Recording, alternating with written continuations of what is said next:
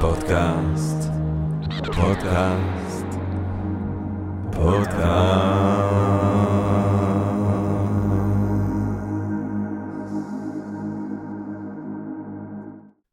טוב, גבירותיי ורבותיי, ברוכות וברוכים הבאים לפודקאסט של Think and Ring Different, פודקאסט למי שאוהב לחשוב ולשתות. אני ג'רמי פוגל, ואנחנו רוצים להתחיל עם רגע של הודיה לעצם היש, לעצם הקוסמוס הזה שלנו, שמאפשר לנו למרות הכל ובהינתן כל אלה להיפגש כאן, למען הרחבת הדעת, העמקת הידע, גירוי, אולי סיפוק הסקרנות, אולי רעיון מעורר השראה, נשגב ככה, פתאום, כולנו ביחד ובעברית, כיף גדול.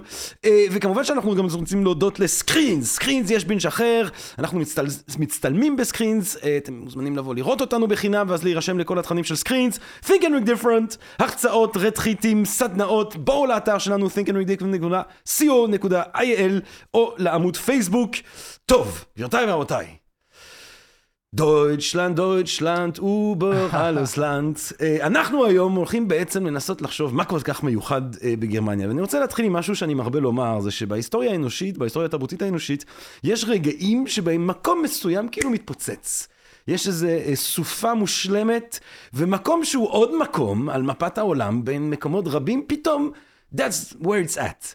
אה, אני חושב על אתונה במאה החמישית לפני הספירה, שמבחינה מספרית זה רעננה, roughly speaking, mm-hmm. אבל המקום הזה במאה החמישית לפני הספירה, פתאום אוריפידס ואסקילוס וסופוקלס וטוקידידס שממציא את ההיסטוריה ופריקלס, האתוס הדמוקרטי והשילוש הקדוש, אלוהים, השילוש הקדוש, אפלטון, סוקרטס, אפלטון, אריסטו, וכל זה קורה במקום הקטן, זה פתאום שאחר כך יירדם וזה לא יקרה בו שוב. המאה ה-17 באמסטרדם, שפינוזה ורמברנד ודקארט שעובר ולוק שעובר לגור ואוגו קרוטיוס וכל העולם ואחותו נמצא באמסטרדם, אולי המאה ה-19 בפריז, אולי המאה ה-20 בניו יורק. אני חושב שירושלים במאה הראשונה, אז היה לנו פה איזה רגע של מקדש ורומאים והתחלת הנצחות והכל קורה כאן. ואני חושב ספציפית על גרמניה, ואפילו אני הייתי ממקד את זה יותר אולי בזיכרון התרבותי היהודי-גרמני, על רגע מסוים, בסוף ה-19, תחילת ה-20, שבעצם כמה דמויות שהן הופכות להיות בעצם הדמויות המכוננות של המאה ה-20. אני חושב על קפקא, שדיברנו עליו בפודקאסט של הספרים הגדולים, גדול הסופרים בעיניי של המאה ה-20, מרקס, האיש החשוב ביותר בהיסטוריה הפוליטית של המאה ה-20, פרויד, הענק, העולם אחרי פרויד הוא עולם אחר, איינשטיין, כן, איינשטיין.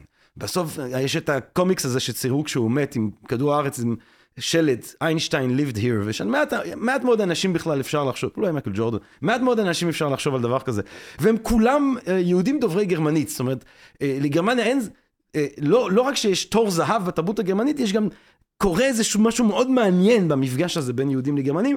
אנחנו כמובן כולנו יודעים, אולי קצת יתר למידה אפילו, את הסוף של הסיפור המדהים הזה, והרבה פעמים כשאנחנו חושבים על ההיסטוריה הגרמנית, אנחנו חושבים אותה דרך שני השיאים האלה, השיא החיובי של הגאונים היהודים הגרמנים הגדולים, או דוברי הגרמנית הגדולים, ואז השיא השלילי הנורא אה, אה, אה, של השואה. אנחנו היום רוצים ככה לתפוס מבט קצת יותר רחב על מה זה בכלל. הייחוד הגרמניה, מה כזה מיוחד בגרמניה, מהי גרמניה, איפשהו. דויטשלנד, אהובתנו. ועל כך אנחנו רוצים מאוד, ואנחנו שמחים, מתגאים ונרגשים, לארח כאן סוף סוף בפודקאסט את אחד מגדולי האינטלקטואלים הציבוריים בעיניי, או בין האינטלקטואלים הציבוריים המעניינים ביותר שפועלים כיום בארץ הקודש, דוקטור עופרי אילני. היי, שלום ג'רמי. דוקטור עופרי אילני, שלום רב. תואר ראשון הוא עשה באוניברסיטת תל אביב בהיסטוריה ופילוסופיה, ואז מסלול ישיר לדוקטורט באוניברסיטת תל אביב בחוג להיסטוריה, שם הוא חקה את המקרא בנאורות הגרמנית. Mm-hmm. לבסוף הדוקטורט הפך לספר, החיפוש לאחר העם העברי, תנ"ך ונאורות בגרמניה, בזלמן שזר, פוסטים יוקחתיים, באמת, אבל יש לך איזו אסופה כזאת מאוד מרשימה בהומבולט, בברלין. בבן גוריון, בנגב, באוניברסיטה העברית. עמית פולונסקי, המלגה היוקרתית של מכון ון ליר, היום הוא עורך במכון ון ליר. את המגזין מהזמן הזה, מגזין שעוסק ברעיונות, במחשבה פוליטית, בתרבות, הוא כותב טור, שככה מדי פעם אני שומע הידודים שלו ושיחות עליו. אה, אה, הטור הזה הוא תחת השמש, הוא כותב בהארץ, מזה כבר שמונה שנים, טור מרתק, מומלץ מאוד, אה, על פוליטיקה, תרבות, תיאולוגיה, היסטוריה, טכנולוגיה, אקולוגיה, הוא חוקר ועוסק אה, בהיסטוריה גרמנית, בהיסטוריה של הרעיונות, בהיסטוריה של המיניות, במחשבה אקולוגית. אה, הספר שיצא ממש הרגע, אה, שאני רוצה להמליץ לקהל הקדוש שלנו כאן ב-Think and Read Different, לרכוש אותו מיד, מיד, תפסיקו מה שאתם עושים עכשיו, תשימו פוז ולכו לרכוש את הספר המרתק הזה. אנחנו אנשים חדשים שיצא בהוצאת בבל. מה סוד שדוקטור עופרי אילני כתב מזה 15 שנה, מטולקין ועד ואז, ועד להר הבית, מפיסול סביבתי ועד לחומרים אה, פסיכדליים, מהתנ"ך ועד לתיאוריה קווירית, מה אין שם? כן, את כל העיסוק המרתק, הרב גוני, הרחב והמעמיק שלך בתרבות האנושית לגווניה. דוקטור עופרי אילני, שלום רב. שלום רב, ערב טוב. תודה רבה על ההצגה הזאת. יבול, יבול, יבול, יבול, יבול. הוא, אה, אנחנו בעצם, אני קשקשתי את עצמי לדעת, אבל בוא נחתוך כאן ישר לווריד הצוואר, ואני אשאל אותך בעצם, מאיפה להתחיל? מאיפה, אם אנחנו רוצים לדבר על גרמניה כמו שאנחנו מכירים אותה היום, mm-hmm. מאיפה אנחנו מתחילים? מתי נולד, מתי נול... היוולדותה אה, של גרמניה המודרנית? אז באמת, ג'רמי, אתה אמרת אה, שיש במקומות לפעמים פיצוץ גדול, וכאשר אנשים חושבים על גרמניה, מטבע הדברים יחשבו בדרך כלל על הרייך השלישי כמובן, על הנאציזם, על השואה. אה, רוב האנשים, במיוחד בישראל, לא יעלו על דעתם משהו אחר בתור האירוע המכונן בגרמניה, אה, בהיסטוריה הגרמנית. ואכן, השואה בתור באמת המשטר, אה, הנאציזם בתור באמת המשטר אולי ה... המרושע ביותר בהיסטוריה, הטיל צל על כלל ההיסטוריה הגרמנית, עד כדי כך ש... אנשים, אה, במיוחד בישראל, אה, פשוט חושבים שהיסטוריה גרמנית זה נאציזם, זה שואה. אני זוכר שאמרתי לבעלת הבית שלי, היא שאלה אותי, אה, מה, מה אתה חוקר כשעשיתי את הדוקטורט? אמרתי, אני מתעסק בגרמניה במאה ה-18, היא אמרה לי, גם אני נורא מתעניינת בשואה. ודרך אגב, גם המאה ה-18, הייתה רגע כזה של, אה, של איזשהו פיצוץ נכון, אינטלקטואלי נכון. בגרמניה, אולי דווקא קצת פחות יהודים, היו נכון. שם אומנם את מנדלסון, מיימון, אה, כן, שהגיע, אה, כן, אבל אנשים כמו גתה וקאנט, אה, לסינג, כך ש, נכון, כך שבעצם יש אה, כמה וכמה רגעים בתרבות הגרמנית, אה, ש... אה, אפשר להגדיר אותם כרגעים כאלה שבאמת אה, אה, ריכוז מאוד מאוד מאוד גדול של כישרון, שהשפיע השפעה עצומה על הרוח האנושית ועל, ועל תולדות המחשבה. אה, אז אה, מאוד קשה לפעמים להשתחרר באמת מהצל הזה של 12 השנה של שלטון הנאצי, ועם זאת תמיד צריך לזכור שאלה בכל זאת רק 12 שנה. כן? זאת אומרת שיש עוד היסטוריה גרמנית לפני ו- וגם אחרי. Uh, יש כבר היסטוריה גרמנית לא קצרה גם בתקופה שאחרי המלחמה.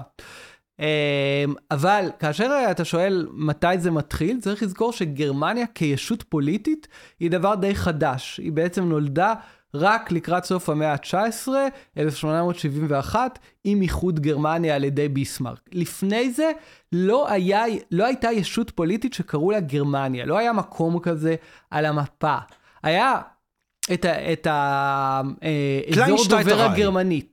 כן, זאת אומרת, אה, את כל העולם דובר הגרמנית, שלפעמים קראו לו אה, דויטשלנד או, או גרמני, אבל זאת לא הייתה ישות פוליטית. רק בתקופתו של ביסמרק איחדו באמת את הנסיכויות השונות והפכו את זה לכוח פוליטי, ש, שמהר מאוד נעשה כוח פוליטי מאוד מאוד חזק, אולי הכי חזק באירופה.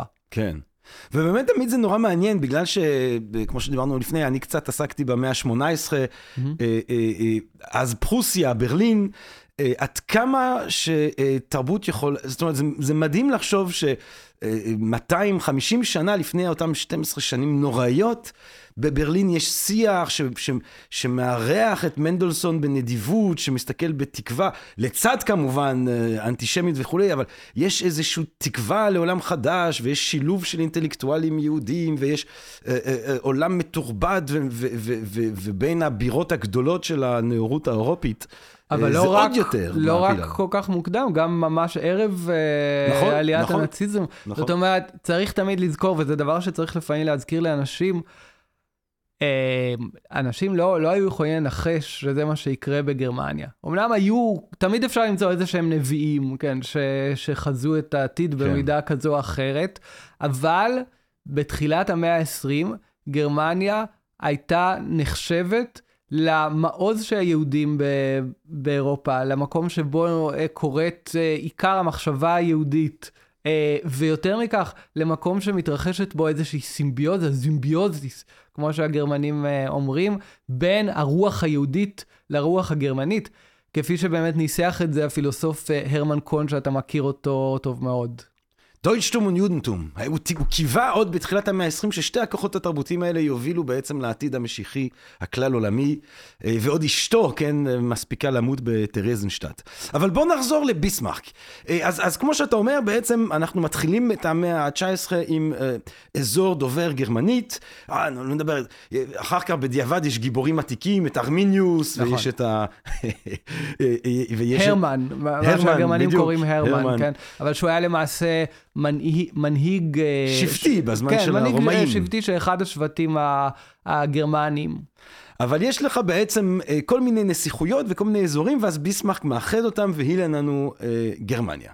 כן, אם כי דרך אגב הוא מאחד בעצם רק חלק מהטריטוריה שנחשבה לפני זה לגרמניה, כי יש חלק אחר שנשאר של, ל, לידי שושלת הבסבורג, והוא אה, אחר כך הופך לאוסטריה, כן? זאת אומרת, אה, האיחוד הזה הוא תמיד בעייתי, תמיד יש איזושהי בעיה בחפיפה בין התרבות הגרמנית לבין הטריטוריה שהיא הישות הפוליטית שנקראת גרמניה. כמעט לאורך כל ההיסטוריה המודרנית, גרמניה אה, לא הייתה סתם מדינה פשוטה.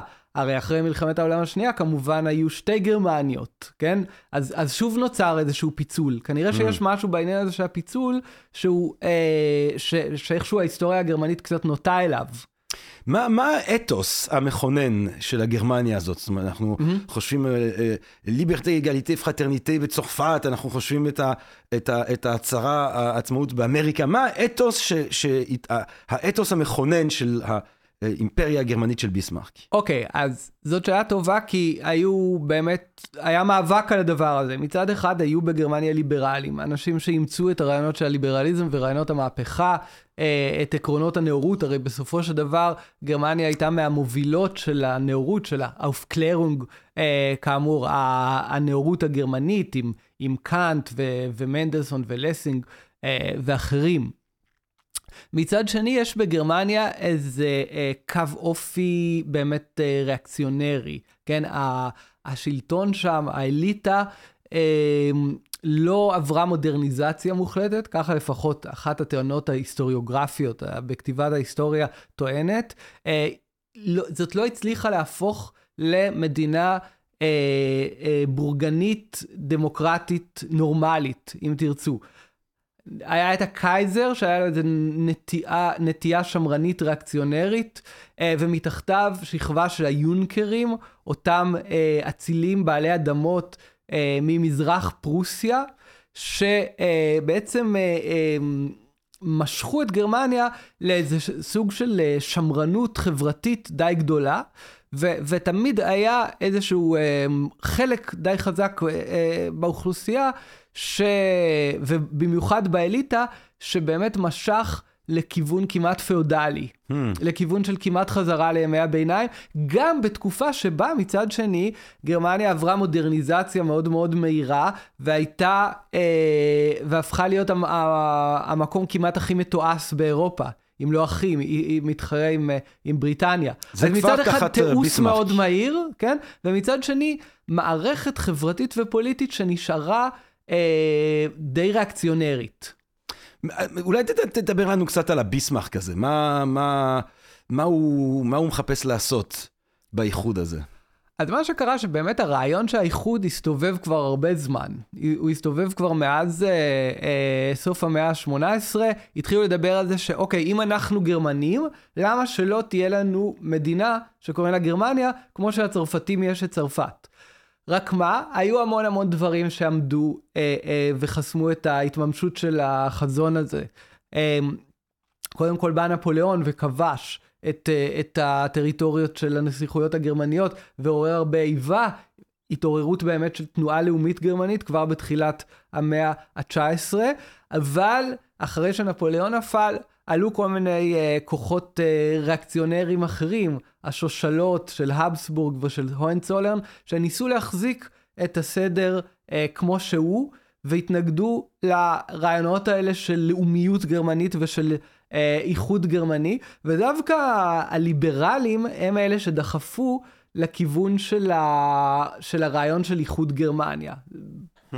זה, זה, לא היה, זה לא עד כדי כך פשוט, אבל באופן כללי, בדרך כלל הליברלים הם אלה שדחפו לזה. ואז מגיע ביסמרק, אותו באמת יונקר, אריסטוקרט עם השפם בולדוג הזה שלו, ונאמנות די גדולה לקייזר, כן?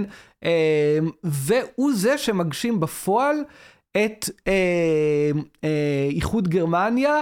אה, בכידוני הצבא הפרוסי, כן. ו, ובאופן אה, מאוד לא ליברלי ודמוקרטי, אף על פי שכן היה לו לפעמים גם ברית עם, הלי, עם הליברלים האלה. הוא היה פוליטיקאי מאוד מתוחכם, קאנצלר הברזל, שידע לכרות בריתות לפעמים עם הכוחות היותר ריאקציונריים, לפעמים עם הליברלים, לפעמים עם הכנסיות, לפעמים עם איזשהו פרויקט יותר אה, סוצ... כמעט סוציאליסטי, הרי, הרי ביסמרק הוא זה שבעצם אה, חוקק את החוקים הסוציאליים הראשונים. אנחנו, הרבה מהמורשת של החוקים הסוציאליים אה, של מדינת הרווחה, זה, זה עדיין דברים שהוא יצר, אה, הפרישה לפנסיה, כל מיני צורות של, אה, של ביטוח אה, סוציאלי וכן הלאה. זאת אומרת, אה, בסופו של דבר אבל הוא מחזיק בכלי המדהים הזה של הצבא הפרוסי, mm-hmm. שכבר במאה ה-18 מגיע לגדולות עם פרידריך הגדול, כן. אה, והצבא האגדי הזה של פרוסיה, שבעצם הוא ה-backbone בסוף של גם הצבא הגרמני, שגם mm-hmm. הוא חתיכת סיפור, זה בסופו של דבר מה שמאפשר לו, אתה היית אומר, אה, לגרום לפרויקט הזה לעבוד? שילוב של צבא, של מצד שני תיעוש. ושל uh, uh, מערכת uh, שהיא אומנם uh, הייתה לכאורה uh, מבוזרת, הרי בגרמניה אין עיר אחת אה, דומיננטית, כמו למשל פריז בצרפת, אלא אם צריך למנות את הערים החשובות, אז בסדר, יש את ברלין, אבל יש עוד, מיד אחריה עוד איזה עשר ערים במעמד אה, שכמעט זהה זו לזו, כן? אה, אז, אז יש איזה מבנה הרבה יותר אה, אה, מבוזר. אה, אבל אה, כמובן גם אוניברסיטאות, מדע מאוד מתקדם, טכנולוגיה, אה, וכן הלאה. ומה בעצם אה, טיב המשטר הזה שקמה אה, גרמניה? מה, איך, איך זה עובד? איך... אז, אז זאת הייתה, זה היה משטר בעצם ש, מצד אחד שיש בראשו את הקייזר, שהתפקיד שלו בכלל לא סמלי, זאת אומרת לא כמו בבריטניה ש, שהתפקיד של המלך הלך והפך ל... לתפקיד יותר סמלי. אה, ומצד שני, אה, פרלמנט, אבל עם סמכויות אה, די מוגבלות, שיש מתח מסוים בין שתי הרשויות האלה. אני לא, לא אכנס לפרטים, יש שני בתים לפרלמנט, אבל זה באמת איזשהו מקרה של מונרכיה אה, עם, עם פרלמנטרית, אבל עם כוח מאוד גדול של אבל ה... כבר אז, זאת אומרת, מלכתחילה הפרלמנט הוא פרלמנט אה, שמצביעים עבורו? כן, אה, כמובן אה, לא, לא כולם זכאים להצביע וכן הלאה, אבל, אה, אבל יש הצבעה לפרלמנט, כן. והקייזר, מאיפה, מאיפה השושלת הזאת? זוהי בעצם השושלת של uh, נסיכי ברנדנבורג, שושלת הוינצולרן, איזושהי שושלת ותיקה אבל שנחשבה לאורך uh, מאות שנים די ברברית. בסך הכל צריך לזכור ש, שפרוסיה נמצאת אי שם בצפון, במין אזור, היום אנחנו נוסעים לברלין, זאת עיר גדולה, uh, וכבר כמובן לא מעט זמן, אבל אם היית בא לברלין uh, בסוף המאה ה-18, זה לא היה פריז, זה היה כמעט איזשהו סוג של קסרקטין של מחנה צבאי שיש לו עיר אי שם בביצות ובחולות של פרוסיה. ואני מנסה לומר שהשושלת שההוהנצולרנים הייתה שושלת שנחשבה אה, די, אה, די ברברית, כן? Mm. אה, אבל הצליחה לרכז אה, אה, בתבונה ובאכזריות הרבה מאוד כוח. אה, באמת הרבה בזכות העניין של הצבא וגם הבירוקרטיה, בירוקרטיה מאוד יעילה ואיזשהו אה, מנגנונים של בניית מדינה, אה, וככה ליצור מדינה מאוד מאוד אפקטיבית. אז בוא נחזור בעצם לשאלת האתוס. מה, הגרמניה הזאת, מה, מה היא מספרת לעצמה? איך היא באמת מיוחדת בעיני עצמה? זה מעניין מאוד, כי כאשר שאלו גרמנים בתחילת המאה ה-19 מה מאפיין את גרמניה, הם קראו לעצמם אומת ההוגים והמשוררים, כן? האומה של באמת משוררים כמו גתה ושילר, אה, והוגים כמו, כמו קאנט, כן? כן. אה, הם, הם החשיבו את עצמם ליותר מדי רוחניים, לקצת אה, אה, אה, כאלה חלשלושים, כן? לעומת צרפת שהיה לה... אה, אה, באמת אה, כוח שלטוני ו- וצבא כל כך אה, חזק, ואפילו מעצמות אחרות באירופה. זה מעניין מאוד, לח... כי אנחנו יודעים שאחר כך גרמניה הייתה מזוהה כ... כ... כ... כבריון צבאי, של... כן. בדיוק, בריון צבאי ושל פלדה ו... ואבק שרפה וכן הלאה. אבל הדבר הזה לא היה מובן מאליו. שוב, תמיד צריך לזכור לגבי ההיסטוריה הגרמנית, שאנחנו נוטים להשליך אחורה כל מיני אה, סטריאוטיפים או כל מיני דברים, בעיקר בגלל מה שאנחנו יודעים שקרה בסוף במרכאות. אם כי זה לא הסוף, בינתיים קרו כבר עוד דברים, שזה גם דבר שצריך לזכור, כן? אבל לא תמיד זה היה ככה, כן? לא תמיד גרמניה הייתה מדינה מיליטריסטית אה, וריכוזית אה, כזאת, ודרך אגב, גם לא תמיד היא הייתה במיוחד אנטישמית. Hmm. Uh, אתה יודע, אם היית שואל uh, בתחילת המאה ה-20, אינטלקטואלים, איפה אתם חושבים שיהיה איזשהו אסון ליהודים? הם היו חושבים קודם כל על רוסיה הצארית, עם, ה, עם הפוגרומים שקרו שם. אחר כך אולי, אה, אולי צרפת עם פרשת דרייפוס, אה, ואולי אפילו בארצות הברית, שהיה שם אה, אה, אפליה וסגרגציה מאוד מאוד חזקה נגד יהודים. גרמניה, מקום שבו יהודים הגיעו לעמדות בחירות אה, בפוליטיקה, אבל במיוחד בעולם הכלכלה והתרבות, אה, כמובן שאומנם היו שם, שם טבעו את המושג אנטישמיות, ואנטישמיות לא הייתה בעיה קטנה, אבל לאו דווקא היא נחשבה למקום שבו ליהודים יש בעיות. אני חושב שהרבה מאיתנו כאן זכינו לראות את הכל שקט בחזית המערבית. הסרט עכשיו בנטפליקס על בסיס הספר המפורסם, מלחמת העולם הראשונה. במערב אין קול חדש, כן. ככה, ככה עשו את זה ב- כן, בעברית? כן. במערב אין קול חדש. Mm-hmm. קח אותנו ל- לרגע הזה ולמשמעויות שלו. אוקיי, okay, אז אה, מלחמת העולם הראשונה זה באמת רגע כמובן טראומטי בכלל באירופה. אה, אנחנו, אה, מטבע הדברים, נוטים יותר לחשוב על, על מלחמת העולם השנייה והשואה בתור הקטסטרופה, אבל בשביל האירופים, מבחינה מסוימת, מלחמת העולם הראשונה הייתה טראומטית לא פחות ואולי יותר, עם, דור שלם שבאמת אה, נקטל, נטבח שם בשוחות.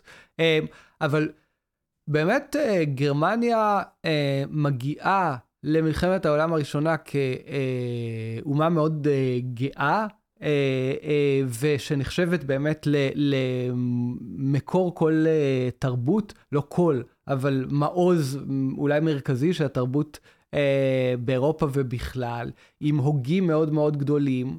אבל אה, אה, היא עוברת סוג מסוים של ברבריזציה במהלך המלחמה. כמובן, שוב, זאת לא מלחמת העולם השנייה, אבל אה, היא עוברת איזשהו takeover, איזושהי השתלטות של, אה, של גנרלים אה, אה, בהחלט סמכותנים, ושל אה, הקייזר הזה שנתון אה, לכל מיני התקפים ומאבד במידה מסוימת. אה, הולך לאיבוד בתוך איזה שהן פנטזיות אה, מגלומניות. ומבחינה הזאת היא עוברת אה, נפילה מאוד מאוד אה, גדולה. כן, הסוף, זאת אומרת, אנחנו, אה, ופה זה כבר נכנס להיסטוריה הגרמנית שכן מלמדים אותה, mm-hmm. או מרבים ללמד אותה בארץ, הסוף המשפיל, ההשפלה הנוראה של ההסכמים, אה, שביתת הנשק בסוף המלחמה. כן, בעצם ורסאי.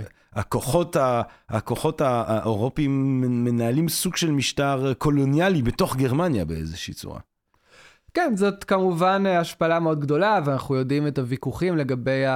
האם ככה היה צריך לנהוג לגבי גרמניה או לא, אמ, אבל אה, זה ללא ספק איזשהו קו פרשת מים, אמ, אם כי כמובן אחרי מלחמת העולם הראשונה עדיין יש את uh, תקופת רפובליקת ויימאר, שהיא תקופה של פריחה תרבותית כן. uh, אולי, אולי דווקא הכי גדולה. כן. Mm-hmm. בוא נדבר באמת, כי זה נושא מעניין שבאמת לא מדובר מספיק. רפובליקת ויימאר, איזה רגע, איזה חלום של גרמניה ליברלית, אומנותית, נועזת, רדיקלית, אוונגרדית אפילו, באומנות שיוצאת משם. כן, כמובן, אה, אנחנו נוטים לפעמים לראות בזה סתם איזה אה, ניסוי כושל, אה, קצר ימים ש, ש, ש, ושברירי, שבסופו של דבר נכנע לדיקטטורה הנאצית, אבל באותו זמן זה לא בהכרח נראה ככה. זה היה באמת אה, מרכז של, אה, של, אה, של אומנות וספרות. ואפילו של תרבות הומוסקסואלית, לסבית, אני גם עוסק במחקרים שלי בעניין הזה. כן. בעצם, בסך הכל, זה היה המקום שבו היה שבו היו, אה, היית יכול למצוא מועדונים, ברים אה, של הומוסקסואלים, אמנם זה לא היה חוקי, אבל בפועל זה היה בהחלט tolerated. בוא, בוא, בוא תדבר איתנו ממש ככה, מה, מה זה הרפובליקת אה, ויימאר הזאת? מה, איך היא שונה ממה שהיה לפני? טוב, שקודם כל לא היה שם כבר קייזר. אמנם עדיין נהוג היה לקרוא לגרמניה הרייך, אה, כאיזשהו סוג של המשך, אבל אה, הקייזר באמת אה, בורח אה, ומסתלק, אה, בעלות הברית לא נותנות לו לחזור. ו, אה, וכמה דמוקרטיה פרלמנטרית אה, תוססת, אבל כמו שאנחנו יודעים, מאוימת אה, על ידי כוחות אפלים וטוטליטריים, בגלל שעדיין נשארו אה, אה, זרמי עומק תרבותיים וחברתיים מאוד מאוד גדולים ו- וריאקציונרים שניסו למשוך את גרמניה חזרה ל... אה, נגד המודרניות. make אה, גרמניה great again. משהו כזה, בדיוק. בעצם לחזור לרייך, ל- לרייך הראשון, לרייך השני, אה, לאימפריה. הרי רייך בסך הכל לאנגלית מתרגמים בתור אמפייר. כן. אבל אה, כולל, אה, אגב, זה משהו שלא מדברים מספיק כשמדברים על האמפייר הגרמני, זה אה, חלק מהפרקטיקות המזעזעות שאנחנו נפגוש אותן בשואה, הם כבר בעצם מקיימים בנמיביה, בתחילת נכון. המאה ה-20. יש שם סיפורים מזעזעים על מחנות ריכוז והשמדה המונית של אנשים בנמיביה, בקולוניות הגרמניות. כן, כן. גרמניה התחילה עם הקולוניאליזם מאוחר, כן? ושוב, בגלל שהיא בעצם לא הייתה מדינה, אז היא לא הייתה יכולה להיות אה, מעצמה קולוניאלית. אבל אז היא הסתערה על המרוץ הקולוניאלי, ואפשר לומר, תפסה את הכמה טריטוריות שעוד נשארו אה, באוקיינוס השקט, קצת כל מיני איים שם, ובאפריקה. אה, אה, למשל, אה, נמיביה ועוד כמה טריטוריות אה, באפריקה. אה, ואף על פי שהגרמנים, שוב כדרכם, בזה שהם ראו את עצמם כאומת ההוגים והמשוררים, הם אמרו, אנחנו נעשה את זה אחרת, אנחנו נעשה, אה, אה, כן, אה, אימפריה מטיבה. די מהר, כמו שלפעמים קורה בתרבות הגרמנית, זה התרסק לשפיכות דמים. כן? כן. אה, לא נשאר הרבה מהכוונות הטובות, וכמו שאתה אומר, באמת היה שם ג'נוסייד. אה, יש ויכוחים היסטוריוגרפיים, האם... הוא, הוא ניצב באותו, אה, כן, level כמו, כמו השואה, אה, אבל ללא ספק אחד בעצם, אולי הג'נוסייד האכזרי ביותר בהיסטוריה הקולוניאלית. כן. אה, הנפילה של ויימאר, מן הסתם הנושא אולי אה, מרתק, לא להשוות, אסור להשוות, לא משווים. אבל תמיד מעניין לראות איך דמוקרטיות אה, נופלות, אה, בקטע של אה, זהירות. אמ, איך אתה, מה, מה המחשבות שלך על, על הנושא הזה? שוב, מן הסתם, באמת, נושא שמדברים, מרבים לדבר עליו. אז באופן כללי, אפשר לומר בגסות שיש שתי גישות. אמ, הגישה שאנחנו אולי יותר מכירים, או, או, אה, או שאנשים, אם תשאל ככה מישהו עם איזושהי השכלה ממוצעת ברחוב, הנפוצה היא שהיה בגרמניה איזה, איזה שהם מאפיינים שבעצם הובילו באופן דטרמיניסטי ובלתי נמנע ל... בעצם לעלייה של הנאציזם, לנפילה של רפובליקת ויימאר, כן? Uh, ואני חושב ש, שדיברנו קצת על חלק מהדברים. שוב, הנטייה הזאת של המערכת הפוליטית והחברתית ל, לריאקציונריות, וגם יש כאלה שיגידו איזה קו מיסטי, רומנטי, שנוטה לאיזה הגזמה, משהו מאוד מאוד שונה נגיד מה... understatement האנגלי, ש, שעלול להוביל לאיזשהו סוג של uh, טירוף, כן? ש, שקיים בנפש הגרמנית. לעומת זאת, יש היסטוריונים אחרים שאומרים שמדובר בסך הכל על קונסטלציה מאוד ספציפית, אה, שהתהוותה אה, ברפובליקת ויימאר, אולי אפילו באיזו נקודה מאוד ספציפית בזמן, איזה סוג של תאונה היסטורית, שבה באמת נתנו לכנופיה הזאת אה, לתפוס את השלטון, מתוך איזה מיסקלקולציה של האליטות הפוליטיות היותר שמרניות שם, מתוך חשש מהעלייה של הקומוניסטים ושיקולים אחרים, והדבר הזה בהחלט לא היה הכרחי, hmm. כן? Uh, שוב, לנו אולי קשה לחשוב על זה, כי בכלל קשה לדמיין עכשיו אה, איזושהי היסטוריה אלטרנטיבית שבה הנאציזם לא היה קורה. אבל אה, אה, שוב, אין בהכרח איזה שהם מאפיינים באופי אה, של גרמניה שהיו חייבים להוביל לדבר הזה, וזה אני מסכים. אבל אני רק אגיד שהחיפוש הזה אחר המהות הגרמנית, האופי הגרמני, הוא משהו שהעסיק אנשים אה, עוד מאז המאה ה-18, כן? עוד מאז שמדאם דה סטל כתבה את הספר שלה אה, על גרמניה. אה, יש איזושהי סקרנות לגבי מה זה הדבר הזה, מי זה האנשים האלה שאוכלים כרוב כבוש וקוראים גתה, כן? אם תרצה, כן? אה, אה, שילוב, השילוב המוזר. כן, אה, איזשהו שילוב שיש שם בין איזה, איזה גסות, אה, אה, חוסר עידון, כן? אה, אני חושב שאפשר לראות את זה עד היום. אתה לא יכול... ניטשה אומר שאי אפשר לחשוב מחשבות גבוהות על בסיס של אוכל גרמני. בדיוק, אבל הנה, הוא, הוא כנראה ההפרחה של זה. לא, הוא אכל באיטליה ובדרום צרפת. זה נכון, זה נכון גם, כן. אה, אבל היו כמה שגם ש... כן. הסתדרו די טוב עם הכרוב הכבוש, כן? ואתה באמת רואה את זה, שעד היום את ההבדל בין התחכום והעידון של פריז לבין ברלין, שאנשים, הסטייל הוא הרבה יותר גס כזה, אה, פרידריך שלגל, אה, מבקר ופילוסוף אה, גרמני, ממש יצא נגד הרעיון הזה של טעם טוב, וטען שזאת איזושהי המצאה צרפתית נבזית. כן? כן. הגרמניות תמיד, דרך אגב, או, או הרבה פעמים כוננה את עצמה מול צרפת. זהו, יש איזה, יש איזה יחס כזה שנאה אהבה עם פריז, כבר בנאורות. אה, הפילוסופים הגרמנים, הם mm-hmm. נוטים להיות בכל זאת עדיין יותר שמרנים, אולי יותר מתונים, אולי mm-hmm. גם יותר דתיים. בצרפת הם... אה, אה, הרבה יותר ליברליים, הם הרבה יותר חצופים כלפי הדת, הם הרבה יותר אפילו, רדיקליים, כן. כן. כן. נכון. אה, אני, אני, אבל אני, אני שומע מהדברים שלך שאתה לא, אתה פחות שותף אה, לתפיסות דטרמיניסטיות, הדטרמיניזם הוא, הרבה, הוא תמיד הרבה יותר משכנע בדיעבד. נכון.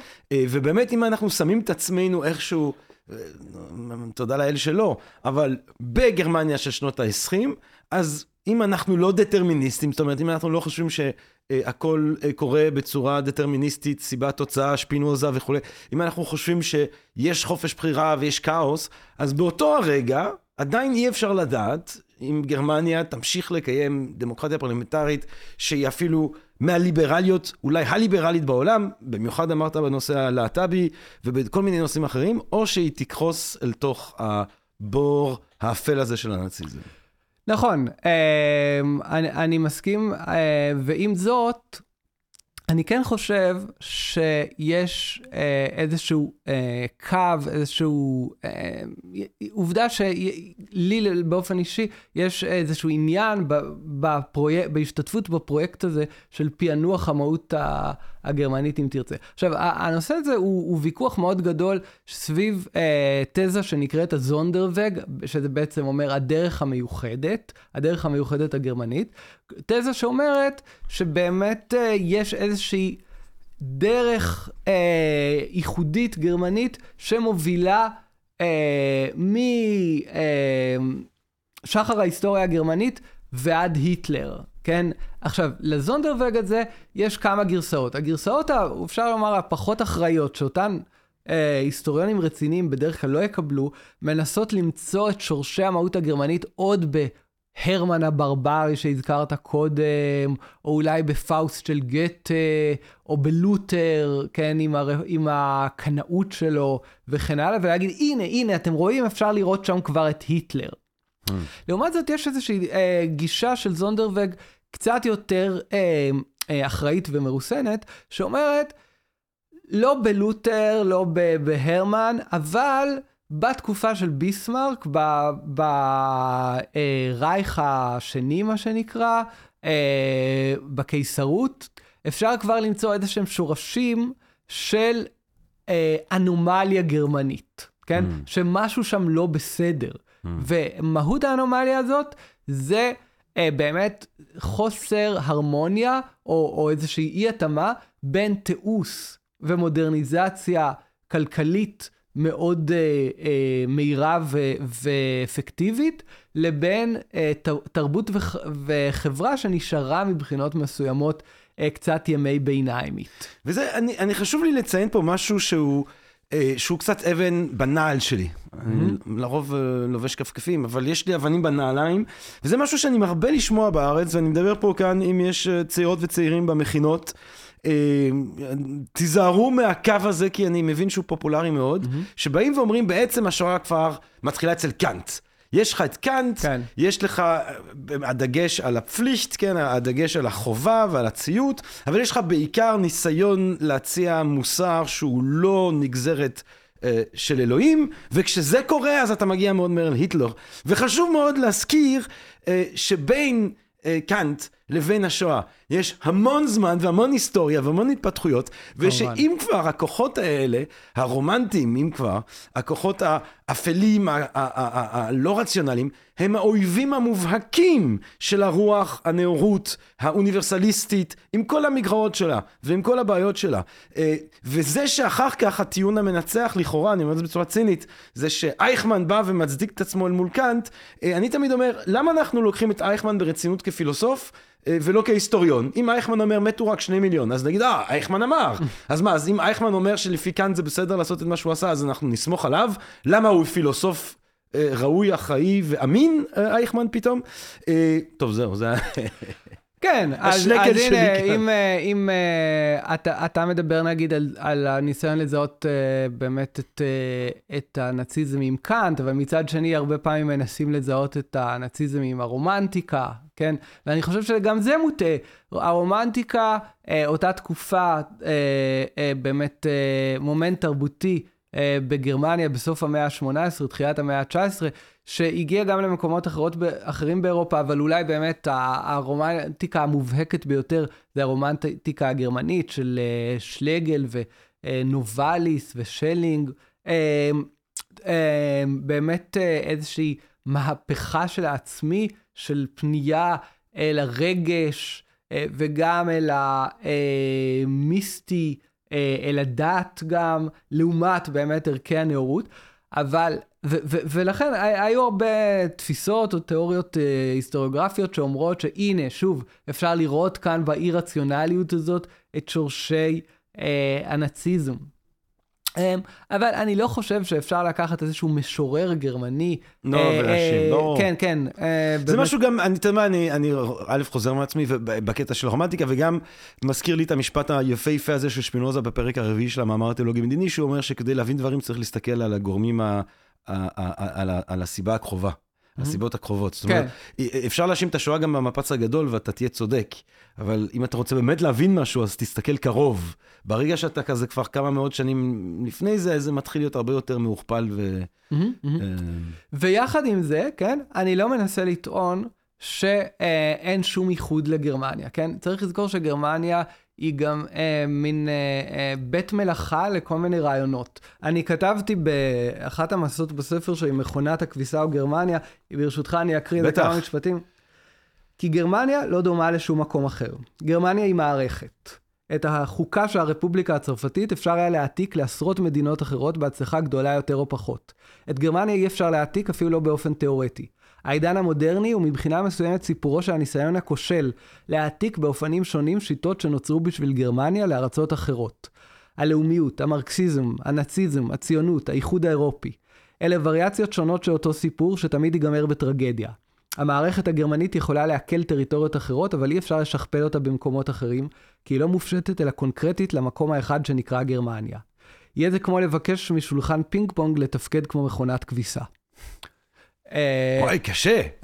זה, פסימי. אגב, אני אומר את זה, אה, אולי, אולי יש שיגידו שזה, שזה קצת הגזמה, אני כאן ככה אה, אולי מקצין קצת את הדברים, אבל בהחלט אפשר להסתכל על ההיסטוריה המודרנית כמקום, על גרמניה שבה באמת נולדים הרעיונות. כן, צריך לזכור שהמרקסיזם שאנחנו מזהים את ההתפתחות שלו אחר כך עם רוסיה, עם ברית המועצות, בעצם זאת שיטה שפותחה בשביל גרמניה. כן, מרקס פיתח אותה בשביל גרמניה. הוא לא חשב בכלל על רוסיה אה, בתור המקום שבו הסוציאליזם מתממש. אולי, אח... טוב, אה, אה, גם על זה כמובן היו ויכוחים, כי היה לשאלה הזאת אה, משמעויות הרות גורל. אבל אה, אה, ציונות, כן, אה, אז, אה, אז הרצל חושב על, אה, בעצם על סוג של אה, אקסטנציה של גרמניה, על איזושהי הרחבה של גרמניה במזרח התיכון. כן. אה, ההתלהבות, הביקור היחידי שהרצל עושה בארץ זה כדי לפגוש את הקייזר. בדיוק. זאת אומרת, מה שמעניין אותו זה לא כל כך לבוא לראות את החבל ארץ הזאת, זה לפגוש את הקייזר. כן, וכמובן שהיינו אמורים לדבר גרמנית, צריך כן. לזכור את זה, כן. כן. שזה רק מראה גם, שוב, כמה ההנהגה וליבת הקיום היהודי בתחילת המאה ה-20, סוף המאה ה-19, היה קשור בעבותות לתרבות הגרמנית. עכשיו, אני חושב שדווקא בגלל שהעיסוק בשואה, ובצדק רב, זאת אומרת, זה לא, הוא, הוא כל כך אבל אה, מעמיק, וגם עשינו פרק מרתק לפני כמה חודשים על אה, מתי מלחמת העולם השנייה הפכה להיות מלחמת עולם, אה, נעשה בקרוב על זיכרון השואה בארץ. אני אפילו אומר, אולי אנחנו נדבר על מה שקורה אחרי השואה, ו- אבל, אבל אני לא רוצה להשאיר את כל ה-12 שנה האלה בלי, ש... בלי לתת לך אפשרות לפחות אה, להתייחס. לא, ולומר, דווקא... אם יש לך איזושהי מחשבה אה, אה, מחדשת מעניינת. לא, אתה יודע, על, על הנאציזם באמת אה, נכתב כל כך הרבה, באמת לא, לא נראה לי שיש תקופה בהיסטוריה ש, שנחקרה ואניגמה כל כך גדולה שעסקו בה מכל כך הרבה כיוונים. אני, אני בדרך כלל מעדיף דווקא לא, לא לעסוק בזה. אה, מעניינות, מעניינת אותי התקופה שלפני, מעניינת אותי התקופה שאחרי, כמובן אני מתעניין כמו אנשים אחרים, אה, ו- ו- וכמובן אפשר ללמוד מזה הרבה דברים, אבל באופן בסיסי אה, מעניין, מעניין דווקא הרגע הזה, שבאמת גרמניה הרוסה בהפצצות כן. של בעלות הברית, כן, הקתדרלות ההרוסות, הכל שוכב בהריסות, באמת הייתה איזושהי אפוקליפסה. אנחנו כמובן לא אוהבים כל כך, אין לנו סיבה מיוחדת לרחם עליהם. נכון. אה, בגלל כמובן מה שהם גרמו לעם היהודי, אבל, אה, אבל עדיין, כמדינה היא הייתה ארוסה לחלוטין, ופתאום האומה הגרמנית, כמה מתחילות אותן נשים שאוספות את השברים עם המטאטא, והשיקום היה מהיר הרבה יותר ממה שחזו. חשבו שייקח עשרות שנים, ולמשל, אה, את מסילות הרכבת בגרמניה, תוך שנה שיקמו כבר בסביבות 90 אה, אחוז מהן. זה דבר בלתי נתפס. זאת אומרת, היה פתאום איזושהי מוטיבציה מאוד מאוד גדולה, אה, וגם הדחקה. יש על זה אה, גם תיאוריות פסיכואנליטיות לא מועטות, שמה שקרה שהגרמנים אחרי המלחמה לא באמת איבדו את הדבר הזה שקרה להם, את, ה, את ההתאהבות שלהם בהיטלר, כן? וחשוב. וחשוב לציין שזה ממש התאהבות. אני זוכר, אני, כשחייתי בברלין, שבוע האחרון הלכתי לאיזה תערוכה, ואתה, דר שונר אדולף, אדולף היפה, כן. ואתה רואה את המכתבים ששולחים לו, אה, וזה מכתבים מלאי אהבה, ומשיכה ליופי שלו, אה, וגם הנאציזם בתחילת הדרך זה אנשים שרוקדים בלבן ועושים פסטיבלים, ויש איזשהו, איזשהו באמת התאהבות. אה, באיש הזה, כי, כי, כי, כי, טוב, הנה, נפלנו לשואה, אבל אתה, אני חושב שאתה אומר בצדק שיש פה כאילו כנופיה שבסוף משתלטת אפילו על ברלין האדומה, הקומוניסטית, הסוציאליסטית, אבל כן, יש גם אה, אדם שמלהיב את ההמונים באמת. זאת אומרת, לכנופיה הזאת חייבת שתהיה לה קהל רב כדי שהפרויקט הזה יצא לפועל. כן, באמת עם שילוב של, אה, של יסודות אה, ריאקציונרים, רומנטיים, אה, מיסטיים, יחד עם אמצעים מאוד מאוד מודרניים של, אה, של תעמולה אה, ושל של, של תחבורה, של, של פרופגנדה. אבל באמת... וחוש האסתטי. אתה יודע, כל הלני ריפנשטייל וזה, יש, כן. יונסקו שכתב את הקרנפים, יש לו, הוא מבסס את זה על דיווח של עיתונאי צרפתי, mm-hmm. שנמצא בגרמניה, והוא צרפתי, זאת אומרת, היטלר וזה, זה לא, לא הקופ אוף טי או הקרואסן שלו, אה, והוא מתאר איך שהוא נמצא ב... ב, ב אתה יודע, מפגש ענק כזה של עשרות אלפי אנשים, והיטלר, והוא מרגיש את החשמל הזה בו, והוא חזר הביתה, וזה הבהיל אותו, הרמה שבה אתה כאילו נסחף אחרי האירוע הזה. כאילו, mm-hmm. ידעו כאילו לתכנן אירוע כזה, שאפילו צרפתי שנמצא שם כעיתונאי, נסחף. והרעיון הזה כל כך אה, קסם ליונסקו, שהוא כתב את ה... את הקרנפות, שבו זה קורה לך בצורה לא רצונית, אתה נהיה נאצי, גם אם אתה לא כזה שם מלכתחילה. כן, כן. טוב, על, ה, על הטרנספורמציה המיסטית הזאת אה, באמת חקרו אותה לא מעט, אבל אולי באמת אחד הדברים שצריך להגיד, שכדי אה, להבין את הדבר הכאילו בלתי נתפס הזה, איך הם נשבו בקסם הזה של הנאציזם, אפשר לפעמים להתבונן על עצמנו ואיך אנחנו מאופנתים מכל מיני סרטים שרואים בהם באמת את, ה, את המצעדים האלה, את ההצהרות, את הצבעים האלה אה, של האדום והשחור והלבן, נכון? וכמובן שאנחנו מאופנתים לזה בסוג של, אה, של זעזוע, אבל עדיין, מבחינה מסוימת יכול להיות שפועל אותה עלינו אותו יסוד ששאול פרידלנדר תיאר כקיץ' ומוות, כן? אה, שהמגלומניה הזאת, ש, אה, ש, ש, שבאיזשהו אופן הפעיל גם את אותם אנשים אז. מעניין. ואז באמת אנחנו ביום של אחרי. גרמניה שעת אופס. ההיינגובר הגדול כן. אולי בהיסטוריה אה, של המאה ה-20. מתעוררים, הכל הרוס. נכון, אז, אז הדבר המעניין באמת, ש, אה, שלא היה כל כך, אה, כמו שאמרתי קודם, עיבוד אה, נפשי של מה שבעצם קרה שם, הייתה הדחקה די גדולה, והסטה של האנרגיה ל...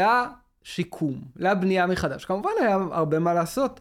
אנשים היו במחנות אה, ובערים הרוסות, וכמובן הם היו צריכים לבנות מחדש באופן ממש ליטרלי את הערים שלהם, בסיוע כמובן של תוכנית מרשל וכן הלאה, אה, שבאה ממעצמות המערב. ויחד עם זאת, די מהר מתוך התבוסה קורה באמת הנס הכלכלי. עוד איזה משהו מוזר שקורה בגרמניה, כן? אה, פתאום גרמניה אה, קורה בה איזשהו סוג של נס כלכלי, והיא הופכת די מהר שוב למעצמה. אה, כן. על בסיס מערב באמת... מערב גרמניה. נכון, מערב גרמניה. מזרח גרמניה זה קורה יותר לאט, אם כי היא גם נחשבה לתחנת הכוח, אפשר לומר, של הגוש המזרחי, כי היא הייתה המדינה הכי מתקדמת שם, על בסיס התשתיות התעשייתיות שהיו קיימות עוד מלפני כן. מעניין. אתה יודע, אני, אני בברלין לא מצאתי עבודה, או פיתחו אותי מאיזה, לא משנה. ומצאתי עבודה בסוף כשומר לילה בבית אבות. Mm-hmm. אז קודם כל, אני תמיד אוהב להגיד שאני בין האנשים היחידים בדור שלנו שככה היה לו אה, מגע בלתי אמצעי עם נאצים. כן, זה מדהים. באיזשהו שלב אתה מבין שהם כולם כאלה חיילים נאצים, ואתה יודע, הם כולם סנילים, אז שכל מיני הרפתקאות שאני באמצע הלילה, אחד כזה לובש את המעיל שלי פתאום, אני אומר, למה אתה לובש את המעיל שלי? הוא אומר, לא, לא, אנחנו באותו צד, אנחנו באותו צד. ואני כדי להרגיע אותו, אומר, כן, כן, אנחנו באותו צד, אבל צריך ללכת לישון. וואו. אז זה היה רגע שהייתי כאילו בקרב, הייתי באיטליה 43 עם הוורמאכט. אה, אם רק הוא יודע עד כמה שאני לא באותו צד. אבל היה שם אחד שחטף את כל הנאציזם, ואז הוא היה אה, תחת השטאזי, כאילו 40 שנה, ואתה אומר, וואי, זה כן גורל די קשוח, להיוולד בהחלט. בברלין, אתה יודע, אתה סתם בן אדם, אתה נולד כן, בברלין כן. של שנות ה-20, אתה חוטף את הנאציזם על הראש, שלא בהכרח רצית אותו, ואז כקינוח אתה חוטף, מה זה, 50 שנה של שטאזי ושל משטר. נכון, אה, מה שנקרא? שתי, באמת שתי הדיקטטורות, כן, כן. וזה, וש, שתחת הטראומה שהם הם והוא היה מן חיו. הסתם פרנואיד לגמרי, הוא כל הזמן רצה לברוח. אני אומר, וואי, אתה באמת עברת חיים שאפשר להבין אותך. באמת אה, שתי דיקטטורות, אה, אחת כמובן הדיקטטורה הידועה לשמצה ביותר בהיסטוריה אולי, אבל, אבל אה, גם מדינת השטאזי, מזרח גרמניה, בהחלט לא הייתה מקום סימפטי עם אה, כאילו רבבות על רבבות של, אה, של אה, משתפי פעולה וסוכנים. אה, כל מיני אמצעי האזנה אה, אימתניים וניסיון לשליטה מאוד מאוד גדול באוכלוסייה. כן מחירי דיור מאוד סימפטיים. טוב, זה כן, זה אחר כך. את זה באמת אומרים הרבה גם ב... ב... ב... ב... רואים את זה הרבה בברלין, שיש שם את אותם מבנים שמספרים ממש את כל ההיסטוריה. כאן היה אה, טירה פרוסית ואחר כך זה הפך לבונקר ואז הבונקר הפך למחנה שבויים ואז הוא הפך למחנה שבויים קומוניסטי ואז אה, אה, היה שם מפעל לבננות ואז אה, מועדון גייז ואז גלריה, כן? זה באמת, אני כמעט לא מגזים, יש, אה, יש איזשהו בונקר כזה. אבל גם, אני, יש לומר בנוגע למזרח גרמניה, שלפחות חלק מהאנשים שאתה מדבר איתם, שבערך באמת מהדור שלך, שלי, ש, שגדלו שם, ברור שאף אחד לא, הייתי אומר, מתחרט על זה שזה קרס, אבל הם כן יכולים, הם כן ידברו על יתרונות מסוימים מהמם. של החיים אה, במזרח גרמניה. כן. באמת, הזה של ההיעדר הדאגה, כאילו אין כסף, אין, הדבר הזה כאילו לא כל כך קיים, זה לא כל כך פונקציה. כן, זה, זה נכון, יש uh, מה שקראו אוסטלגיה, נוסטלגיה למזרח גרמניה. Uh, uh, הרבה מאוד אנשים, בשח, uh, לפחות מהדורות היותר מבוגרים, מתגעגעים לתקופה הזאת. Uh, אבל צריך לומר שבסך הכל התקופה הזאת uh, גם נקברת תחת שכבות ההיסטוריה. ואני חושב שאחד הדברים היום המעניינים בברלין, שבסופו של דבר היום אנשים באים לברלין כבר לא בגלל אה, הנאציזם וגם לא בגלל הקומוניזם, כמו שאולי היה כשאנחנו, אה, אולי בשנות ה-90, שעוד היו באים כדי לראות שם כל מיני מזכרות קומוניסטיות, זה בשביל דברים אחרים לגמרי, בשביל אה, להתקרחן בטח, בברגיים וכל. מיני דברים כאלה. כן, כן. קיטקאט. אני אקריא עוד שני משפטים. ברשותך, שאומרים את זה. יש אומרים שאנשים נוסעים לברלין כדי להדק את האדמה על הבונקר של היטלר ולהבטיח שהוא לא יקום מקברו. אפשר לתאר את ההוויה של ברלין העכשווית כמין ריקוד, טקס שנועד להדק את הקרקע מעל העבר הקבור תחת העיר. אלא שבמהלך הזמן מה שטמון מתחת לאדמה החל להישכח. הריקוד הפך לטקס בלי תכלית, או למטרה בפני עצמה. מעניין. אני כן, אתה יודע מה, לי אבל כן יש תחושה שכמעט האובססיה הישראלית, שהיא מאוד ישראלית, אני חושב שהיא יותר ישראלית ממקומות אחרים שאני יכול להעלות על הדעת, להיות בברלין וליהנות על בברלין ולעוף על ברלין, יש איזה משהו ש, שבא ואומר, אני כבר לא, אין לי את הטראומה, אני, אני לא שותף לטראומה, אני כבר מעבר, אני מעל. נכון, בהחלט אני מסכים איתך. אני מרגיש שכאילו הדור שלי, שאנחנו באנו לברלין, ובאמת ברלין שיחקה תפקיד משמעותי בביוגרפיה שלי, ועדיין במידה מסוימת. כמו שאולי פעם אינטלקטואלים ישראלים היו נוסעים לפריז, כן? אה, אז אני חושב שבשנות האלפיים, ה- כזה ה... ההאב ש- שהיו נוסעים אליו זה ברלין, ואני לפחות, היו תקופות שהייתי נוסע בקיץ לברלין, ופשוט כל החברים שלי היו שם. כן, כן, הרבה יותר ממש. מאשר במקום אחר. אה, והקטע שלנו היה באמת באיזשהו מובן להג, להגיד, אנחנו כבר לא כל כך מתרגשים, כן? אנחנו די נמאס לנו מהבדיחות האלה על התור וכל מיני, אה, ועל הרכבות, כן? כל הדברים האלה שכל כך קיימים באתוס הישראלי. אנחנו כבר מכירים אה, ברלין אחרת, שיש בה בכלל דברים לגמרי אחרים, אנחנו באים לשם מסיבות אחרות. שוב, למשל, בשביל... אה, אה, בשביל האוכל לא באים כל כך לברלין. אולי רק ממש בשנים האחרונות כן. התחילו להתפתח שם קצת הקולינריה. אבל כן, בשביל, ה, בשביל ה, התרבות הלהט"בית, בשביל המועדונים. חיי לילה. כן, חיי לילה וכן הלאה, בדיוק. והאומנות כמובן. אני כן. חושב שגם, רגע, אני חייב להגיד שגם אותי ריגש, ואני לא יודע אם לקשור אותו לשואה או לאישה הזאת, אנגלה מרקל, mm-hmm. אביר שפנדס. כן. אנחנו נצליח ברגע של המשבר הפליטים הגדול אה, עקב מלחמת האזרחים בסוריה, היא בעצם מכניסה מיליון אנשים, mm-hmm. שזו החלטה היסטורית. זו החלטה היסטורית, ואני, והיא אומרת, ויר שפנדס, אנחנו נצליח, אנחנו נתמודד עם זה. ואני, לפעמים אני תוהה אם היא לא חשבה לעצמה, אולי כדאי שגרמניה תהיה יותר, איך הם אוהבים להגיד, מולטי קולטי. כן. שהיא תהיה יותר רב-תרבותית. אה, כמו שכמובן כל הזמן מנסים למשוך יהודים שיחזרו, אבל גם להביא מיליון אנשים מרקע אחר, מתרבות מוסלמית, כדי שגרמניה לא תוכל אפילו לחזור. זהו, אז זה, זה באמת קצת מורכב, כי באופן עקרוני, כש, כשמרקל נכנסה לתפקיד שלה, היא התנגדה למולטי קולטי, כן. לרב תרבותיות. הרי בסך הכל היא פוליטיקאית שמרנית, היא שייכת למפלגה השמרנית, לכאורה מעין מקבילה של הליכוד אצלנו. מרחק מאוד גדול, צריך לומר, כן? אה, אבל אה, איכשהו היא, היא נענתה לגודל השעה, וכנראה גם בהשפעת הזיכרון ההיסטורי של, של הפשעים הגרמנים, שהיא לא הייתה יכולה לעצור את הפליטים על הגדר, או בטח לא להתחיל להפעיל אה, מכונות ירייה נגדם, או איזה שהם אמצעים מסוג אחר, ובאמת אפשרה את הדבר הזה. וזה הוביל בדיוק לאיזה מין רגע כזה, שבו, ש, שהיה איזה רגע שיא של אמירה, לא רק שגרמניה היא כבר לא המקום הכי אפל ו- ורע ב- באירופה, להפך, היא המקום הכי נאור, הכי ליברלי. קצת זמן אחרי זה גם ארצות הברית, שהיא כאילו ה- כמובן מנהיגת העולם המערבי, אה, נפלה לידי טראמפ, ופתאום גרמניה מוצאת את עצמה בתור מנהיגת העולם החופשי. ככה אפילו אה, הניו יורק טיימס הכתיר אותה, כן?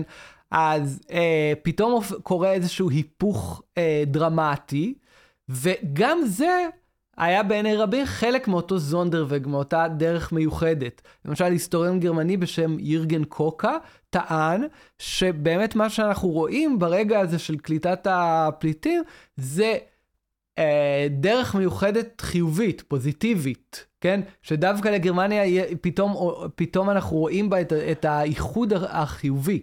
ותמיד האור והחושך הזה זה דבר מאוד אה, חזק. בהיסטוריה הגרמנית, שוב, מצד אחד הנאורות הגרמנית, מצד שני המשיכה הזאת אל הצללים, שהיא לפעמים קיימת אפילו אצל אותן דמויות.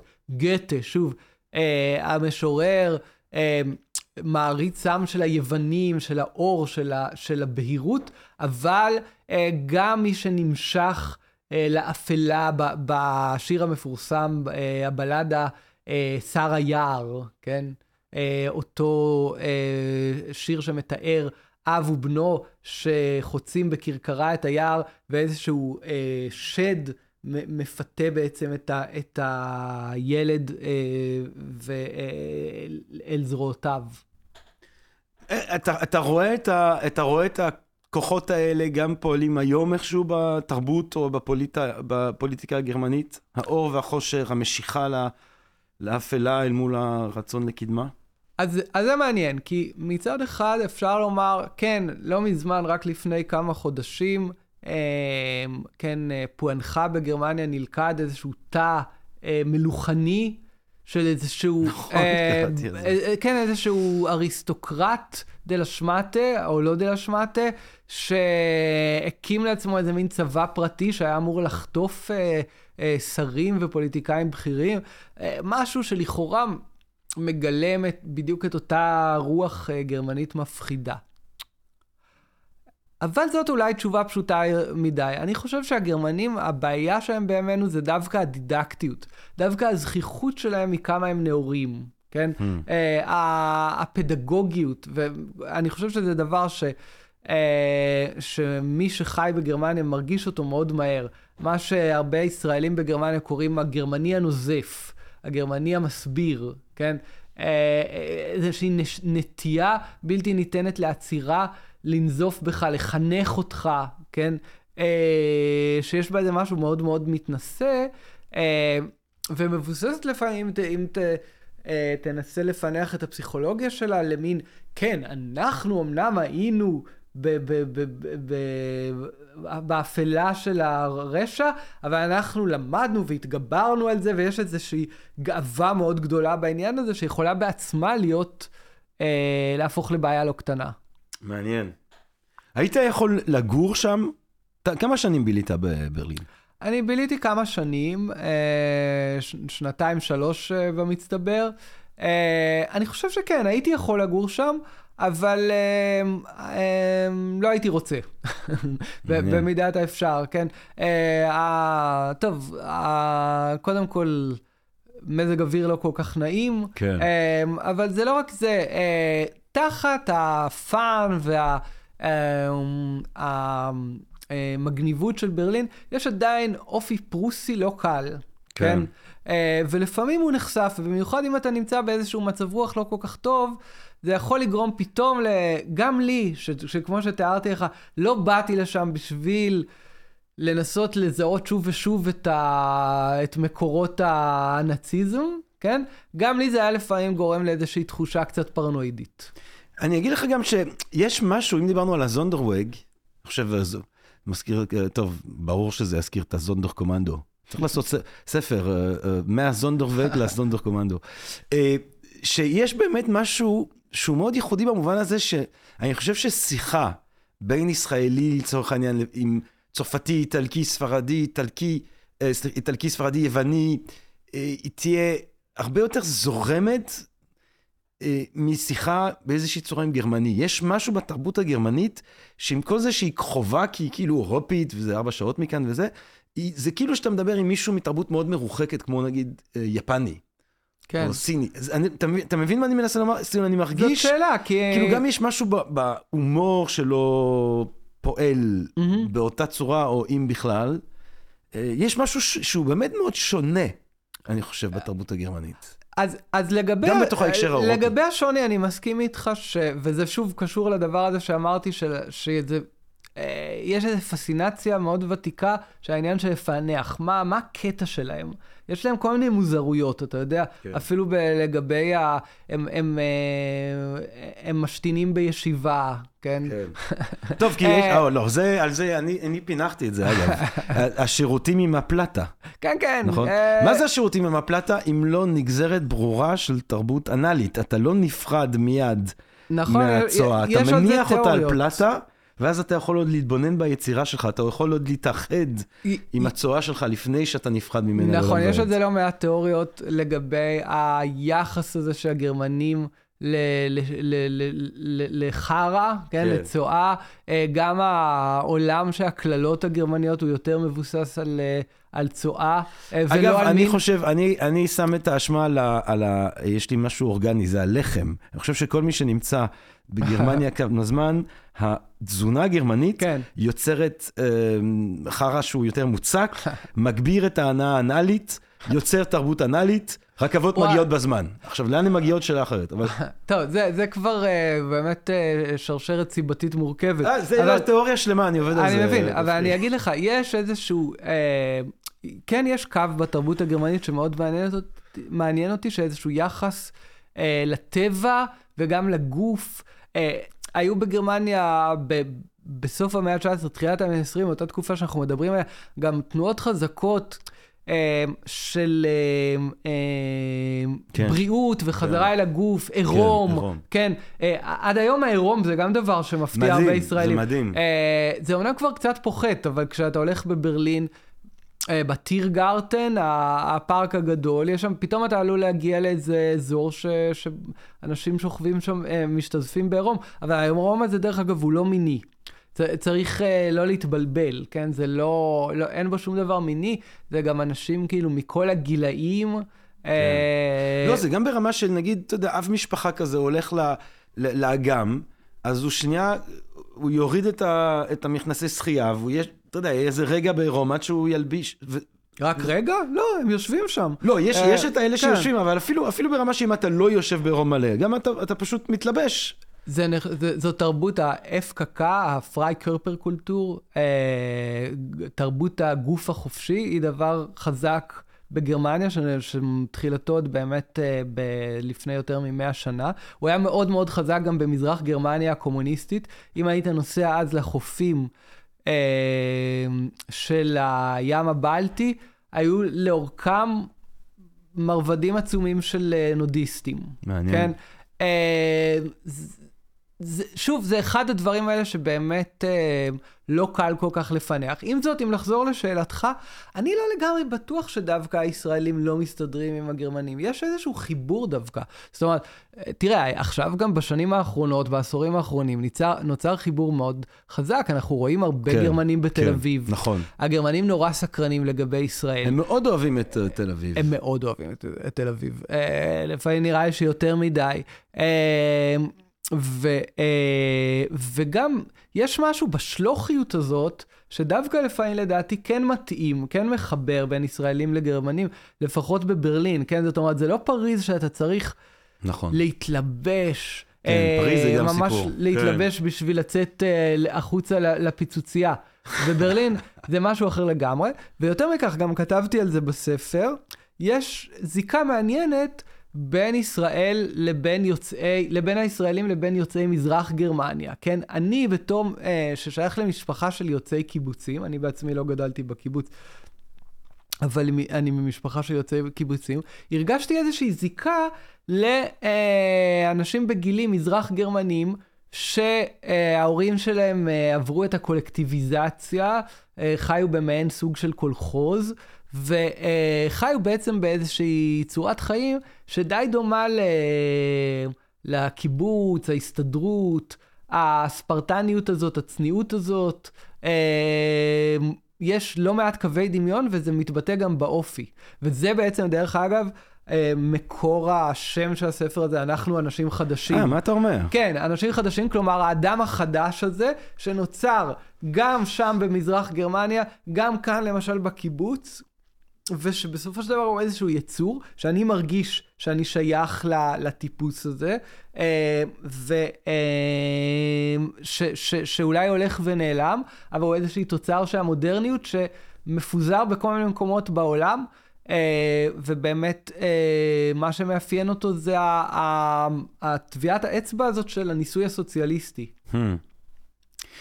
תראה, אם מדברים על, על, על, על, אנחנו אנשים חדשים, אמנם אנחנו זכינו לחזרתך הביתה, דוקטור הופכי אילני, לארץ הקודש, בינתיים, אבל באמת יש אה, הרבה ישראלים שנסעו מהגל הזה של אומנים ואקדמאים נכון. וסטודנטים וסתם קרחניסטים, לא סתם, קרחניסטית בכבוד, אה, יש הרבה כבוד לקרחניסטים. אה, והם חיים שם, ויש כאילו קהילה היום, שהיא כן. כבר לא יהודית גרמנית, היא ישראלית גרמנית שחיה בברלין.